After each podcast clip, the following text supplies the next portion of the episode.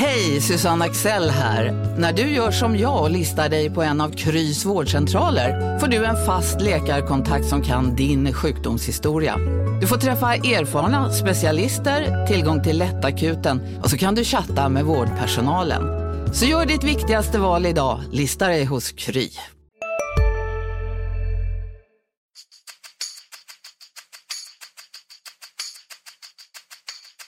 Ja, mycket, mycket snack om det här inhoppet. Det är svårt att förbereda sig. Va? Så att, det är mycket känslor som spelar över.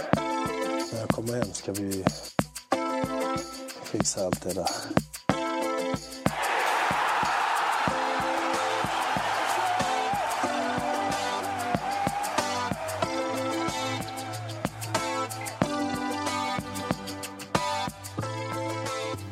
Välkomna tillbaka till MFF-podden. Det här är avsnitt nummer 188. Jag heter Fredrik Hedenskog. Jag har sällskap av Fredrik Lindstrand och Max Wiman. Max? Smax Wiman, som han kallas. Eh, klockan är eh, i talande stund 21.33 på söndag kväll. Eh, Malmö FF har för ett par timmar sedan förlorat toppmötet hemma mot Djurgården med 0-1. Eh, och eh, med anledning av den matchen och eh, segermatchen i Europa League Playoff i torsdags så sitter vi här nu. En så kallad affektpodd. Bara för er skull. Bara känslor. Inget annat. Eh, Men vi börjar eh, med den matchen som vi just har sett, eller framförallt ni har sett. Jag har suttit och jobbat här på redaktionen. Eh, Och då blir det ofta gärna så att man ser matchen i repriser. Så att jag... så allt som det fanns repris på, det är jag med på. Ehm, Fredrik, om jag börjar, jag vänder mig till dig först eftersom du har en eh, krönika ute på sajten nu med en rubrik som jag tänker att du ska få utveckla.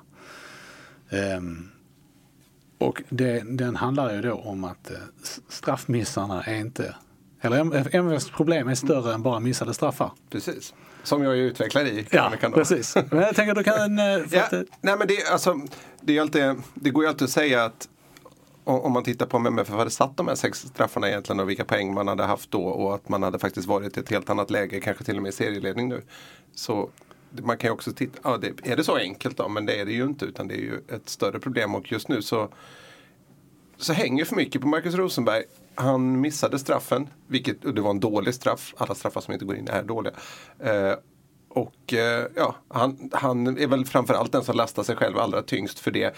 Men det är också han som skapar Malmö FFs chanser idag. I stort sett alla ligger han bakom. Och han är 37 år. Han gjorde sin, eh, vad blir, jag, det är alltså den tredje startmatchen på åtta dagar. Vi kan slänga in några matcher till som han har startat innan där. En Europamatch borta mot uh, Srinski. Eh, och den innan dess som jag, ja, jag har inte, det är som sagt en affekt på det. Har inte Han har fått vila eh, i någon, han har gått ja. ut i någon av matcherna. Precis, han spelade 61 minuter tror jag det var mot Falkenberg. Men, men, men. Han, han fyller 37 nu i september. Och alltså MFF har ju inte alternativt, alternativ att bygga en offensiv utan honom. Han kan av, man kan avlasta Rosenberg genom att, liksom, som till exempel mot Falkenberg, ha två andra anfallare eller två tior. Men han måste vara på plan för att det ska funka just nu med tanke på att Marcus Antonsson är skadad och Jo Inge Berget är skadad. Och eh, Carlos Strandberg öser in mål på annan ort. Och Guillermo Molins är inte den spelaren som MFF kan bygga sin offensiv eh, kring. Vilket har visat sig under säsongen. Tycker jag. Så det blir lite för lättläst efter ett tag. Rosenberg är inte på topp alla gånger. Eh, och han blir också sliten av att spela mycket matcher. Det har ju Ove Röster själv sagt också att, eh, att eh, han behöver vila. Det sa han så sent som när vi spelade in Studiostadion här i, inför Europamatchen. Så MFF, det stora problemet var att MFF inte tog in en anfallare under transferfönstret nu. Det hade man nog faktiskt behövt göra. Det, eh, det det har blivit en väldigt märklig situation. För det, det, jag, jag kan höra eh, MFF-rösterna säga då, ja men hade Berget varit frisk och Antonsson varit frisk, vad skulle vi gjort med den här spelaren då? Men jag börjar hålla med mer och mer de som säger att, att eh, den som ska efterträda Rosenberg kanske skulle varit här redan nu. Att, att man, måste, man måste i alla fall ha, skapa en annan bredd och eh, jag tycker precis som Fredrik att de borde tagit in en anfallare i somras. Alternativt då tagit hem Carlos Strandberg och det där det är jag väldigt kluven inför eftersom det inte funkade i Malmö och det har funkat i Örebro. Det hade inte funnits någon garanti att det hade funkat här men det är snudd på att MFF har sådana muskler just nu att, att man i den här situationen skulle tagit hem honom som ren backup om inte annat.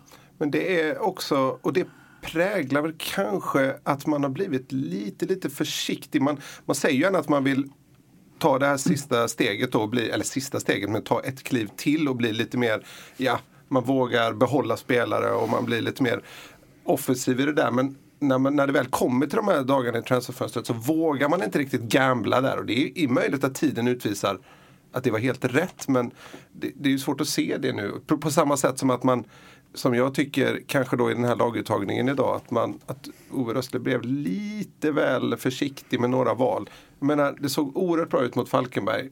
Och där löste man mycket av de här offensiva knutarna som har funnits. Visst, man kan inte dra för stora växlar på det. Det var, för, det var på grund av Falkenberg delvis.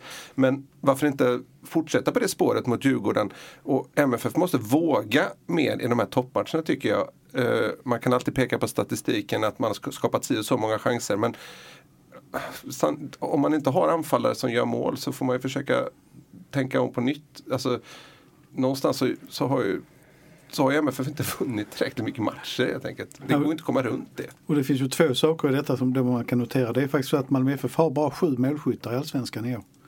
Eh, och det är ju för lite naturligtvis. Eh, det, det, speglar ju lite den här problematiken också att man inte får. Mm. Jag tror att man kan jämföra med Djurgården som jag tror har 13 eller mm. kanske 14.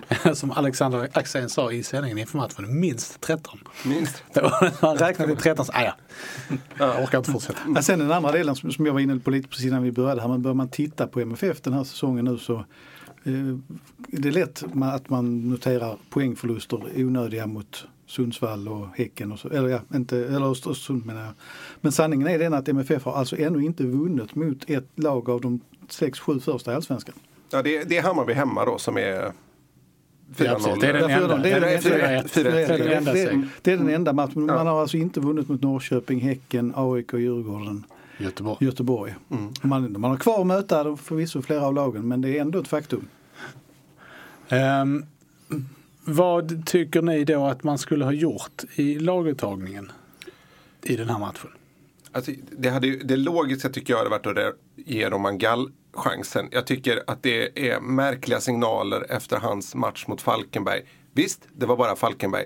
Men med tanke på den poängskörden han faktiskt har haft i Malmö FF och att någonstans måste man premiera en spelare som ser ut att vara på uppgång. Så är det konstigt att han inte fick en enda minut mot Nejuhuda. Visserligen på grund av lite skadebekymmer där eh, och att man behövde liksom safea. Som sagt, ett bortamål hade ju varit eh, hade ju förändrat ganska mycket inför returen. Förstås, jag är medveten om det. Men att, att, att liksom ge honom så lite speltid även i den här matchen det, det skickar inte riktigt ut rätt signaler tycker jag. Jag tycker han borde nog fått starta den här matchen. Det svåra tycker jag om, om, om Malmö skulle spela 3-4-3 i denna matchen. Då är det att du måste plocka bort en central mittfältare och jag vet inte om man har haft råd. Det, liksom, det blir så mycket duellspel. Eh, så egentligen så håller jag med om att jag skulle vilja se dem. Alltså Gall och Traustason på varsin sida om Rosenberg för att få ett annat tryck. Men då måste man också plocka bort en mittfältare och jag vet inte riktigt vilken det skulle vara. Sen, sen är det också, det är allting mycket lätt att säga i efterhand. Eh, men det var nog inte rätt att spela Bejmo en gång till. Eh, jag, jag, det, det, det, var ändå rätt mycket känslor i det här att möta Djurgården och jag tror faktiskt inte att han mådde riktigt bra av det oavsett vad han sa. Eh, det bör man vara så professionell så att man fixar absolut men, men han är nära vän med spelare och det, det, ja, jag vet inte, det blev lite konstigt tryck på honom. Han försvann helt ur matchen. Eh, alternativet gissar jag då tycker, du tycker hade varit att spela Erik Larsson istället? Ja, alternativt om man hade fått välja alltså, bort en wingback på något sätt, alltså ändra system helt och hållet. Men annars är det ju Erik Larsson. Jag hade gärna sett Erik Larsson från start i backlinjen. Ja, det är ju också ett alternativ. Man ser, det så, man, förlåt, man ser det så himla tydligt framförallt i alltså, sista halvtimmen när MFF ändå efter Djurgårdens mål lyckas etablera någon slags tryck. Det kommer ju inga, det kommer inga överlappningar på den kanten. Nej när Lasse Nilsson Nej. spelar. Nej, och det absolut inte. Det var ju säkert, eh, som Fredrik också var inne på, med att en defensiv tanke egentligen att man skulle säkra med Nilsson. Man skulle inte, därför att omvänt så kan man ju säga att Erik Larsson ibland far iväg så mycket så att det blir lite för mycket ytor och för mycket, stor risk för kontringar. Eh, Men det är, det är knepet. Det, det, det är inte riktigt eh, balans i truppen där på något sätt nu. Alltså, det är det inte. Sen ska ju, alltså så om man bryter ut under en säsong den här matchen som enskild match så är det ju inte konstigt att MFF får stryk av Djurgården. Även om det är hemmaplan för Djurgården gjorde en, gjorde en jätte, jättebra match idag. Man får inte glömma det. Och deras mittfält de hade ju verkligen läst läxan och tittar man på Malmö FFs två senaste matcher som kommer mot eh, motstånd då, som inte är fantastiskt men hur vill MFF anfalla? Jo, mycket variation från dels mittback, wingback och eh, den centrala mittfältaren som är närmast. De byter position, de spelar snabbt, de överlappar. Och där stängde ju Djurgården ner de alternativen på ett jätte, jättebra sätt. Eh, Radetinac, ingen omtyckt spelare, till, tillsammans med Beijmo, de största buropen då. Eh, men gjorde en oerhört bra match i att liksom stänga Malmö FFs kanter och gav ju Safari enorma problem där ute. Både offensivt och defensivt.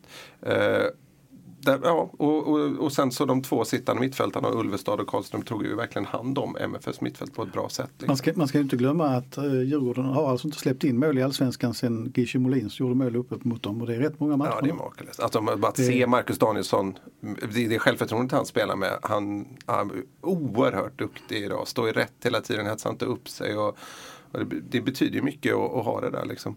Sen tycker jag matchen blir lite märklig och jag, jag trodde det hade fysiska skäl men slutet visar ju kanske att det inte var så. Eh, eh, för jag tycker att första 25-30 eh, minuterna så ser Malmö ut ungefär ändå som det är ändå rätt okej okay, liksom. Det händer inte jättemycket men det är någonstans att de maler ändå på lite. Sen tappar de matchen fullständigt. Uh, har inget mittfältspel överhuvudtaget, skickar iväg långa bollar och börjar förlora dueller och allt blir fel. Ända fram till Djurgården gör mål. Och sen börjar de spela fotboll. Sen börjar de spela det snabba spelet som vi vet att de kan göra i sina bästa stunder. Och det är klart det är lite desperat men det, det, ser lite, det är lite konstigt att det kan svänga så väldigt mycket. Jag trodde lite grann att ändå den här Europa-matchen i torsdags, att det var den som gav lite resultat rent fysiskt. Djurgården spelade cupmatch i veckan men det tycker jag inte man kan räkna på riktigt samma sätt. Ja, men de är väl lite så. Det är svårt att sätta fingret på, man har inte så mycket perspektiv till matchen nu heller. Men jag upplevde att MFF blev har varit lite, det, det, det liksom kanske börjar i laguttagningen men fortsätter sen på plan i de som spelar också. Att man blev lite för försiktig liksom. Man är ju van, man är ju van vid att MFF älskar de här toppmatcherna. Och det, det, för några år sedan så var det ju nästan alltid IFK Göteborg och Malmö FF som spelade en match som var ett toppmöte ungefär vid den här tiden på året. Och MFF bara liksom gick in och körde över dem på, på ett sätt. Även om de fick ett mål tidigt eh, i baken så gick de ändå upp och liksom, det fanns inget att snacka om sen. De verkar tycka om de här stormatcherna så himla mycket. Men jag tycker i år så är det liksom inte som att man har gillat att spela dem på samma sätt. Man har liksom inte släppt loss. Det finns en inneboende kraft i Malmö FF som, är, som liksom inte kommer ut nu. På, det, det, det liksom funkar på ett annat sätt i Europa då liksom hängslen livrem-tänket och, och, favoritskapet kanske inte är så tydligt. Man, man, man slappnar av mer där och, och liksom har blivit något form av Europalag igen.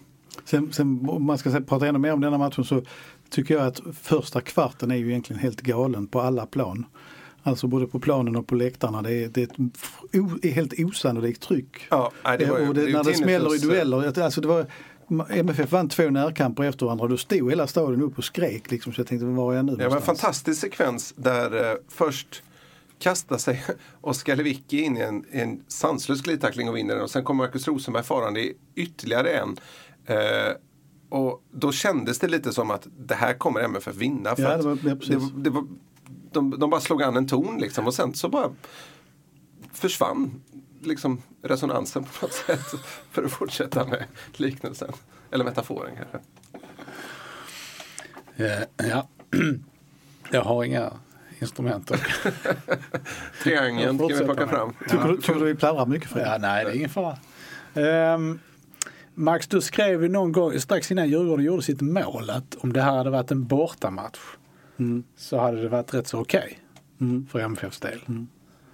Därför att det kändes ändå re relativt kontrollerat på något sätt. Va? Alltså att, det var inte så att Djurgården skapade någon, mycket chanser. För det tycker jag man måste komma ihåg att även om Djurgården var bra så, så, så hände inte så mycket offensivt för dem. Okej, okay, de spelade på kontring men det, det var ändå rätt så kontrollerat. Och det, så långt liksom, egentligen är det ju så att oavgjort hade ju varit ett okej okay resultat eh, faktiskt. Det skrev jag nog ett par gånger under matchen också. Att, eh, jag, jag, tror att en del har stirrat sig blinda Är det det som var problemet? Eller kan det ha varit en del av problemet? Kan ju vara så enkelt faktiskt. Kan det ha varit så. Därför att det liknade, det jag menar lite grann, det liknade lite grann bortamatcher. Där, är, där MFF liksom är rätt försiktigt och de, det är inte varken mot Djurgården eller AIK kanske vågat fullt ut, framförallt inte mot Djurgården. Mm. Så det, det, kan absolut ha varit så. Sen tycker jag man måste säga vad det gäller tabellsituationen att det är klart att Djurgården har, har gjort ett ryck och skapat ett jätteläge. Men eh, jag tror inte att det här är avgjort i den här toppstriden nu. För dels är det så många lag som faktiskt är rätt hyfsat bra. Och eh, Djurgården ska spela två derbyn. Och eh, skulle AIK slå Djurgården näst, på söndag näst, nästa match eh, då får, och, och Malmö lyckas vinna i Kalmar, vilket är långt ifrån garanterat, eh, så är det ganska mycket som förändras igen. Ja, jag, tror, jag tror det är alldeles för tidigt eh, att ropa hej och jag tror inte att ett Europagruppspel nödvändigtvis kommer vara sämre för Malmö Malmö FF, det, det, fanns ju inga sådana tendenser i fjol att man skulle bli sämre i allsvenskan. Och, no, det var, fanns ju också, Ove tog ju upp det på presskonferensen efter att eh, man såg på läget så sa han att ja, vi hade 11 poäng upp till AIK i fjol så vi har ju ätit upp hälften nu. Jämfört med, å andra sidan så vann ju Malmö FF inte guld. Eh, så det var också, det, var lite haltade ju lite i jämförelsen. Men, men det ligger ju en poäng i det där. Det, Stockholmslagen bara att det är två derbyn. Liksom. Det, och, och, inte bara just för att man kan tappa poäng i derbymatcherna utan det finns ju det här post-derby-syndromet i Stockholm som är att de har svårt att ladda om efter matcherna. Samtidigt så har ju Djurgården någonting man inte haft på väldigt länge och det är ju den här trygga, trygga, trygga defensiven. Sen eh, eh vad det gäller MFF så tror jag det, det här med Europaspelet, eh, alltså det är ännu viktigare nu snarare. Skulle MFF eh, göra en total platt historia, jättefiasko att åka ut nere i Israel. Jag vill fortfarande flagga lite varningsflaggor. Om de gör ett mål i början och inte MFF har huvudena med sig så vet man aldrig vad som händer. Men skulle MFF inte gå till Europa League-gruppspel då tror jag motivationsproblemen kan bli enorma i truppen. Um, hur, jag tänker på, äh, förlåt. Var du på väg att säga något? Ja, men det, det är ju det är intressant. Uh, om man liksom tittar på vad, vad ett, det, det, är ju ett ämne vi kan återkomma till sen när det är lite närmare. Vi, eh, å ena sidan sagt att det inte alls kört. Men å andra sidan säga att det, det, är ju, det är intressant vad som kommer hända i höst om Malmö FF missar ett andra raka guld sett till den satsning man har gjort och den trupp man har. Och, ja, det, är ju, då, det kom, känns ju som att det, det kommer skaka lite bygget. Jag läste någonstans bara i förbifarten så jag hann inte tänka efter riktigt men inte sedan 2012 har Malmö missat guld två år i rad. Så lär det vara. Mm. Mm.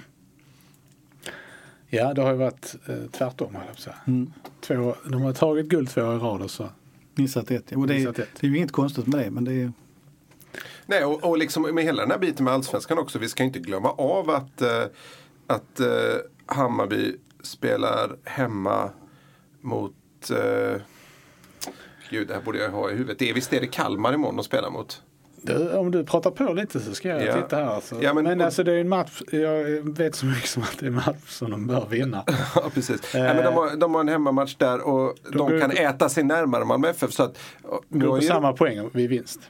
Mm, ja, man ska inte räkna bort Hammarby Nej. absolut inte. Nej, och det gör ju egentligen bara... Och Norrköping fortsätter att vinna. Häcken, Häcken tog en sen seger ja. idag. Alltså, det är inte så. Vi, vi, tittar ju väldigt mycket på, ja, kan MFF kan fortfarande ta guld? Ja absolut, kan de göra. Men de kan ju också sluta sexa. Men det är ju också... Hammarby spelar borta mot Falkenberg.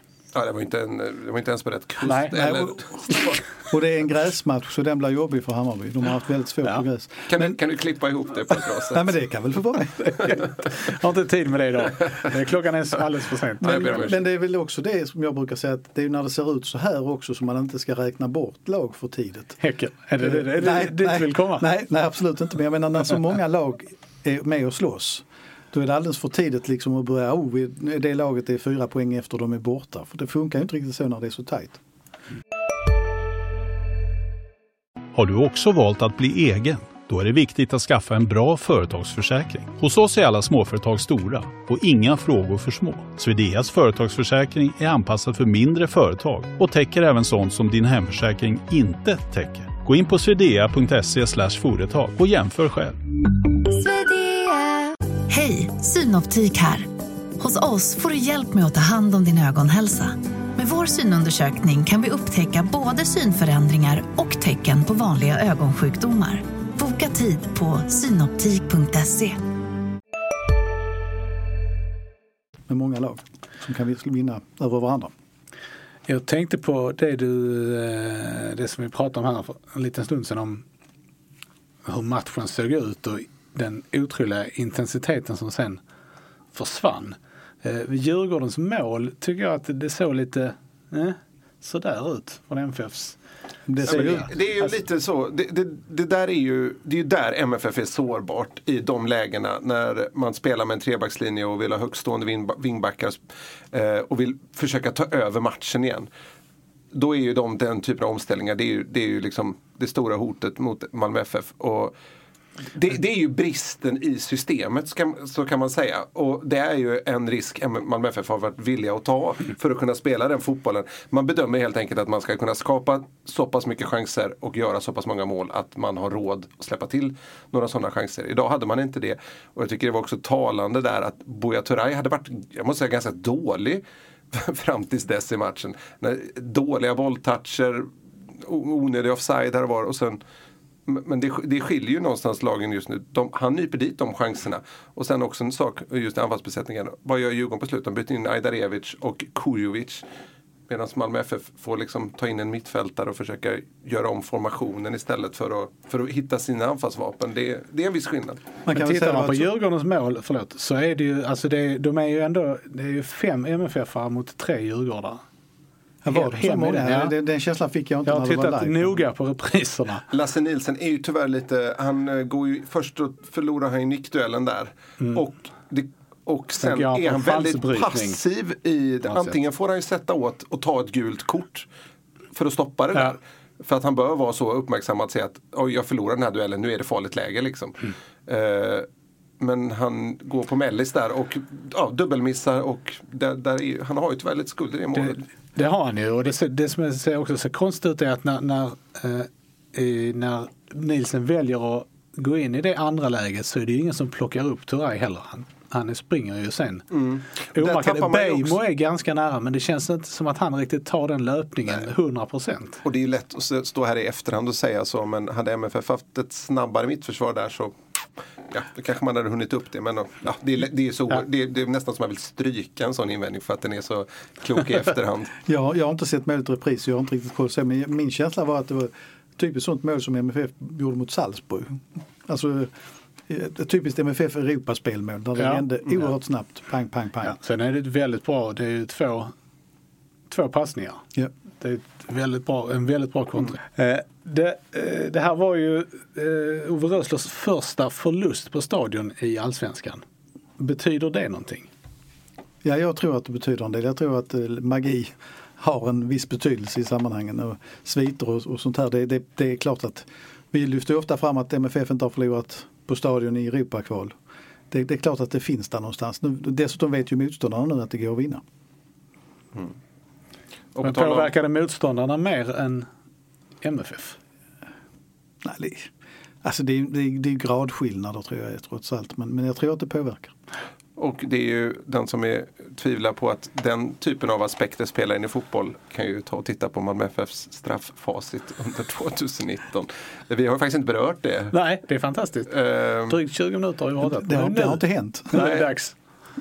Nej, jag, ja, Ska vi inte börja i den änden och säga att, att eh, det uppenbarligen inte var straff och att det var en lite för tydlig filmning, eller alla filmningar är för tydliga. Anders Christiansen ägnar sig för mycket åt att kasta sig huvudstupa så fort han har eh, lite, lite folk omkring sig. Och eh, jag tycker inte att han, jag tycker han är en spelare av en kaliber som inte ska behöva göra det. Det brukar alltid komma i baknacken till slut. Jag sa ju senast vi pratade om detta att jag förstår inte varför Christiansen inte har fått slå en straff än. Men i detta läget tyckte jag absolut inte han skulle göra det. Ja, jag kunde nästan tycka att han kunde slagit den ändå. Men eh, vad jag förstår nu så Rosenberg pratade ju efteråt själv om att han den här gången kände pressen. Och eh, jag tror att Malmö kommer att få så många viktiga straffar framöver också att det var faktiskt var dumt att skicka fram Rosenberg en gång till mot det mål där han dessutom har missat innan om jag minns rätt. Mm. Jag hade tänk, kunnat tänka mig Anders Christiansen, eh, Rasmus Bengtsson. Till exempel, bara för att nämna två spelare. Sören Rex säkert. Alltså jag, det anmärkningsvärt är ju att eh, Malmö FF i, i, i eh, förra veckan, nej denna veckan, har, har tränat på straffar. Just eh, av anledningen att det kan bli straffläggning i, i, i playoff. Där så, vilket man kan tycka att man inte ska behöva Liksom, det ska inte behöva gå så långt för att man tränar straffar. Det ska ju vara en naturlig del av, av, av träningen. Liksom, att man tar ut, ja, säg tre straffskyttar innan säsongen och de här, de här får successivt under året träna straffar. Eh, eftersom övning ger färdighet, eh, som man brukar säga. Är... Jag, jag, tror också att faktiskt att det har gått så långt att MFF skulle behöva ta in någon som är väldigt bra på straffar, alltså, eller någon som kan lära ut det. Och någon som lär ut hur man tänker. För jag, jag... Det där ringer ju en klocka direkt då, ett, ett namn som borde passa med, kanske som länge var en av Europas allra, allra bästa straffskyttar. Som jag tror egentligen bara missat en straff i hela karriären. Och då har han ändå lagt, varit första straffläggare i alla sina klubbar. Jari Littmanen. Eh, oerhört eh, skicklig straffskytt. Nej, men att man, det, det, det behöver inte vara en som är anställd av MFF men att man faktiskt tar in någon som, som kan resonera kring hur man slår straffar. För jag känner mig tjatig, jag har varit inne i det igen. Jag har aldrig varit fotbollsspelare men jag är helt fascinerad över att, att alla de här tre MFF-spelarna borrar ner blicken och tittar på bollen och har, har inte en aning om vad målvakten gör. Och jag tycker att Rosenbergs straff idag var riktigt, riktigt dålig eftersom man slår den mitt i målet och i den höjden där rimligen benen måste hänga kvar när målvakten kastar sig. Nu tittar jag på målvakts-Fredrik. Ja. Ah, ska man slå den mitt i målet så får den väl rulla längs marken eller trycka stenhårt ja, i den var, ju, den var ju i princip eh, rullande längs marken. Det var ju en, var den inte en alltså, halv meter? Det var ju en oren träff. Eh, som var den var inte bra på något sätt. Men straffar är så, det är, det är så svårt problem också för att det, det, det är liksom, vad är lösningen? Gör mål, skjut bollen i mål. Det är en sak om liksom, ja, vi släpper in för mycket mål. Ja, men du får ju liksom kanske byta formation eller tänka om och börja zonmarkera på ett annat sätt eller vad det kan vara. Så här. Men straffar är så, det är så svårt att säga. Det är så mycket som annat som spelar in. Det är liksom det, det finns liksom ja, träna mer på straffar och, och liksom det, ja, det, är så alltså, svårt, ja, det är så svårt att säga. Är, det, bara, det, finns ingen quick fix på det. Nej, liksom. alltså det, det, är lätt att säga. Så det är klart att det, att det blir bättre av att man tränar på det och att man automatiserar det. Men det är ju alltså det är en jädra skillnad på match och träning i detta Ja, fallet. men precis. Och, och liksom och ofta så hinner du stå ganska länge och fundera. Och, ja. Han fick stå extra länge, han fick ju till och med ta om det. Ja, det var ju, de kastade in pin, någon slags flaggpinne mot, ja. eh, mot, mot Vajo där och det, ja, det, det hjälpte ju inte situationen. Mm. Det kan man ju tänka på när man uh, sysslar med sådana idiot, idiotisaker. Att det inte alltid det gynnar det ena, egna laget. För att inte säga det gynnar aldrig det ena laget. Jag tror bara, alltså, hur mycket man än, jag tror att man måste bryta mönster när det gått så här. Antonsson har missat två, Molins har missat två. Rosenberg har missat en och ska gå fram igen. Alltså vilken människa tänker inte på det här i det läget? Nu ska det sägas att Romain Gall har ju satt en straff i år i Bellimena. Men han var inte inne på planen. Men han är nog en sån som också bara kunde gått fram och bara smält dit den. För att han har liksom inte samma börda på axlarna. Han är ju inte blyg för att skjuta heller. Nej. Det är något han sysslar gärna med. Ska vi dra straffarna bara så att alla har liksom allting klart för sig? slutar alla lyssna. Ja, nej men alltså eftersom vi också eh, resonerade lite grann i början om hur mycket poäng de skulle kunna ha tappat på det här. Det var ju då alltså eh, hemma mot Häcken. Marcus Antonsson vid ställningen 1-0 till MFF. Matchen slutar 1-1. Eh, borta mot Sundsvall. Guillermo Molins vid ställningen 0-0. Matchen slutar 3-1 till Sundsvall. Eh, borta mot Falkenberg. Marcus Rosenberg vid ställningen 2-1. Den, det stod sig ju matchen ut. Eh, Antonsson hemma mot AFC vid ställningen 1-0. Den matchen slutar i 5-0 så där kanske det inte hade så stor betydelse för matchutvecklingen. Eh, sen har vi Malins borta mot Häcken vid ställningen 0-0. Det slutar 1-1. Och så då Rosenberg vid ställningen 0-1 idag. Eh, så att Alltså det är klart att man kan aldrig förutsäga matchutvecklingen efter det men, men några poäng har det ju rimligen kostat. Jag tror det kostade definitivt två borta mot Häcken och det kostade en, en, en poäng idag i alla fall. Minst en idag skulle jag vilja säga för att jag undrar om inte eh, matchbilden hade förstärkts ännu mer om Malmö hade gjort ett mål. Att de, de, de, då hade de ju varvat upp. Sen de andra tycker jag är mer tveksamt. Men det... Eh, nu, vi, att, jag tänker att vi ska också blicka lite framåt eh, här mot playoff-returen. För om vägen till eh, SM-guldet blev betydligt längre idag så, så blev ju vägen till Europa eh, kortare i torsdags. Hur kan det vara det när det är längst bort utanför ja, Europa? Jag ska utanför Europa. Um, ja, alltså 3-0. Vad, finns det något att säga där? Ja, men, ja alltså mot, eh, mot eh, Benay och eh, har man ju gjort två perfekta hemmamatcher, så är det ju. Det är inte så lätt i Europa även mot dåliga lag att, att producera och prestera. Det har vi sett många exempel både med Malmö men många lag ute i Europa. Eh, så att det är klart att man har skaffat sig ett fantastiskt bra utgångsläge. Det är ju ingen tvekan om det. Men eh, det gäller att stå emot en kvart, 20 minuter och inte gå på något struntmål där nere för att då man vet aldrig vad som kan hända där. Men har man eh, med tanke på det man har sett av Nejehuda och det man har läst och hört så känns det väldigt svårt att se dem ställa om till en tokoffensiv. Nej, det tror inte jag heller i och för sig. Nej. Men det är klart att de kan kontra in ett mål ändå. Alltså så att säga. Jag, jag vet inte, jag, är, jag tror bara det är farligt att ens släppa in tanken i huvudet att det är klart. För att jag tror att om någon gör det och har dessutom den här tunga förlusten med sig ner bland, bland spelarna så är det liksom går du ner på 75% kapacitet så kan allt möjligt hända. Det, det, det är det som är risken. Det, det, det, har, det har väl uttryckts för så att det enda hotet mot att MFF ska gå till Europaspel det är ju MFF själva. Eh, lite, lite extra bonusinfo kan ju vara då att det var israelisk ligapremiär idag. Och Bnei Juheda vann mot ett mittenlag vars namn jag inte kan säga på rak arm nu. Men ett lag som spelade i nedflyttningsserien i våras. Eh, och eh, de låg under med 0-1 och då hade ändå motståndarna fått en utvisad redan i 35 minuten. Motståndarna fick ytterligare en spelare utvisad i 65 minuten. Och först på, i åttonde övertidsminuten kunde Juheda göra 2-1 och vinna matchen. Så det är ju inte en skrämselinsats om det nu är som tränaren så här i Malmö att de skulle lägga allt fokus på ligan. Ja, men jag skulle precis säga det, om det inte vore för att eh, Nejodas eh, tränare har gett upp så hade man ju kunnat tänka att det blir kanske blir spännande. men jag tror, eh, vi, vi har pratat lite grann om det också, det var, man var väl böjd liksom att känna att ja men de har gett upp. Men det är klart att det var en taktisk...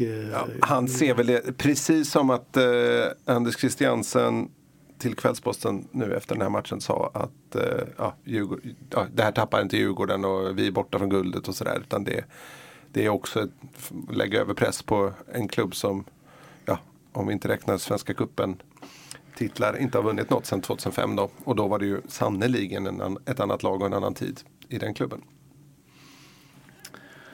Um, vad, men vad, um, vad behöver Alltså... För AIKs del så gick ju förresten Elionussi sönder idag. Eh, såg jag utbytt eh, efter en halvtimme. Det är ju ett jätteavbräck om det skulle vara något som blir, att de blir borta längre. Och ska man se det ur Malmö synvinkel så var det kanske tur att AIK gjorde som de brukar och avgjorde väldigt sent i matchen och haka på så att säga. För då, de är ju ännu mer motiverade nu inför mötet med Djurgården naturligtvis. Eh, vi ska säga det också att eh, Arnold Traustason utgick ju eh, tidigt i andra halvlek. Eh, men det verkar inte vara så han var väldigt lugnande själv och han kom ut och pratade själv vilket också är ett tecken. Han fick ont i den fot som han har stukat tidigare i sommar och eh, ville väl inte ta risker helt enkelt. Det var tydligen meningen också att han skulle bytas ut rätt tidigt mot Molins eftersom han inte har spelat så mycket. Avslutningsvis då eftersom jag gissar att ni vill hålla kväll, jag själv eh, jobbar ju två timmar till. så, eh, vad, vad förväntar ni er för eh, typ av matchbild eh, i returen på torsdag. Hur, kommer, hur tror ni att MFF kommer att gripa sig an detta? Kommer det se ut som det gjorde i Bosnien? Jag hoppas verkligen att de kan ta tag i spelet lite mer och se till att de äger bollen och inte, alltså inte behöver springa sig trötta utan boll. Men jag tror att Malmö kommer att vara ganska försiktiga. Man kommer inte att ta risker där i början. Och jag tror man kommer försöka hålla, så mycket, till, till, hålla bollen inom laget i möjligast möjligast mån och försöka liksom metodiskt arbeta sig fram. Mycket på grund av hettan nere i, och hettan och luftfuktigheten nere i Israel som ska vara något i hästväg. Jag gjorde en intervju med Rade Pritcha häromveckan. Och han pratade, han tog, jag ställde aldrig frågan om det utan han tog upp det själv som en, en jättefaktor och han sa att lag från eh, eh, eh, jag tror det var Panathinaikos de hade mött med någon av sin, som han hade mött med någon av sina israeliska klubbar där han spelat i två stycken. Eh, Maccabi Tel Aviv, den mest kända då. Och, så att de hade haft stora problem med värmen. Och då är det ändå ett, en Atenklubb liksom. De är vana vid värme men luftfuktigheten gör att det blir, det blir speciellt. Och om jag var Ove Rössler och försökte ta mig in i hans huvud så misstänker jag att han önskar att Malmö gör ett tidigt mål. Eh, och sen verkligen kan vila sig igenom matchen. För vi ska inte glömma att eh, det är en snabb vändning sen. Nu får vi MFF i nacken som man slapp denna veckan. Eh, redan på söndag är det match mot Kalmar. Det innebär tung flygning hem. luftfuktighet där också. Ja. Nej men du vet, jag tänker så här, tung flygning nattetid hem. Eh, bara fredag, lördag och så match söndag. Och du har en 30 mila bussresa till Kalmar. Eh, förmodligen redan på lördag. Eftersom de alltid åker upp dagen innan. Det är en rätt seg vecka och eh, MFF har inte haft sådär jättelätt i Kalmar de senaste åren. Så att, eh, och dessutom, vilket var ju därför jag egentligen började prata, eh, Rasmus Bengtsson, Anders Christiansen avstängda mot Kalmar. Det innebär att stackars Rosenberg måste spela det också för du kan inte ta bort hela centrallinjen, det går inte. Ett Kalmar som möter IFK Göteborg på bortaplan imorgon. Har du kollat upp det? Ja, jag, kom, nej, jag kom faktiskt ihåg det. Ja, men det stämmer. Nej, men de knäppte ju AIK på näsan rätt ordentligt uppe på Friends och eh, får de med sig ett hyggligt resultat mot eh, Göteborg också så då, då kommer ju de med ett bra självförtroende och kanske känner att det, de, det kan bli en fin höst för dem. För denna podd gör en, en fullständig avvikning också. Ja, Som ändå har ett visst sammanhang eftersom vi i varje eh, avsnitt talar om att vi vill förbjuda konstgräs. Just nu är det så att de tre topplagen i superettan alla spelar på gräs. Näst sista och sista lag i allsvenskan spelar på plast. Och dessutom finns det möjlighet att få ner Sirius på en sån plats också. Eh, för de har väl plastgräs på sin nya arena också, Ja. tror jag. Vill man bara ha ut ett eh, liksom, ha ut lag av eh, plastanledning så är ju Sirius nästan de som ska åka ut först med tanke på att de de har ju valt att lägga in det senare. Det är nästan ännu mer straffbart. Och bara för att knyta ihop det hela, för det var egentligen det jag ville säga. Så, eh, dagens märkligaste match i fotbollssverige spelades ju ute i Hällevik när Mjällby höll serieledningen i Superettan. De mötte alltså Dalkurd och låg under med 0-2 i 89 minuten och vann med 3-2. Det måste vara ett rekord i sig själv. Och, eh, men om vi avslutar med att om vi, inte, om vi inte slutar nu så man får gå hem så kommer jag göra som Bosse Andersson gjorde, Djurgårdens sportchef, eh, när han fick se på en monitor, eh, han satt också på pressläktaren med hela Djurgårdsentouraget där uppe, att eh, Anders Christiansen hade filmat till sig straffen så hörde jag en smäll bakom mig, undrade, två stycken smällar till och med. De bara, vad är det som händer? Är det, är det något slags terrordåd här nu? Eh, och så kommer det en, någon slags storm av vatten flygande. Är det Bosse Andersson som har dängt näven i, i, i bordet så att det flyger vatten från hans vattenflaska in på, till oss som sitter och skriver. Så upprörd kan man vara. Han är sannerligen en profil, superbo. det är, ehm, det fin- han har med större känsloregister än eh, Malmö FFs sportchef. Ja, i alla, fall, i alla fall utåt sett. Ja, precis. Det var det jag menade. Precis.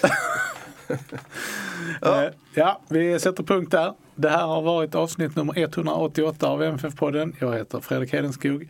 Jag har haft sällskap av Fredrik Lindstrand och Max Wiman. Du har redan sagt det med konstgräs, jag behöver inte säga det igen. Och eh, ansvarig utgivare är Pia Renqvist. Tack för oss. Hej hej! Hej! hej.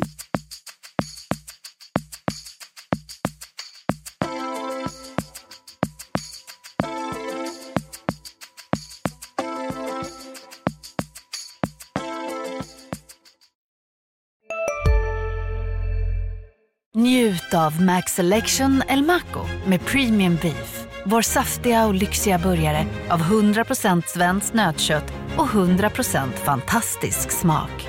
För ett ännu godare McDonalds. En nyhet. Nu kan du teckna livförsäkring hos Trygg-Hansa. Den ger dina nära ersättning som kan användas på det sätt som hjälper bäst.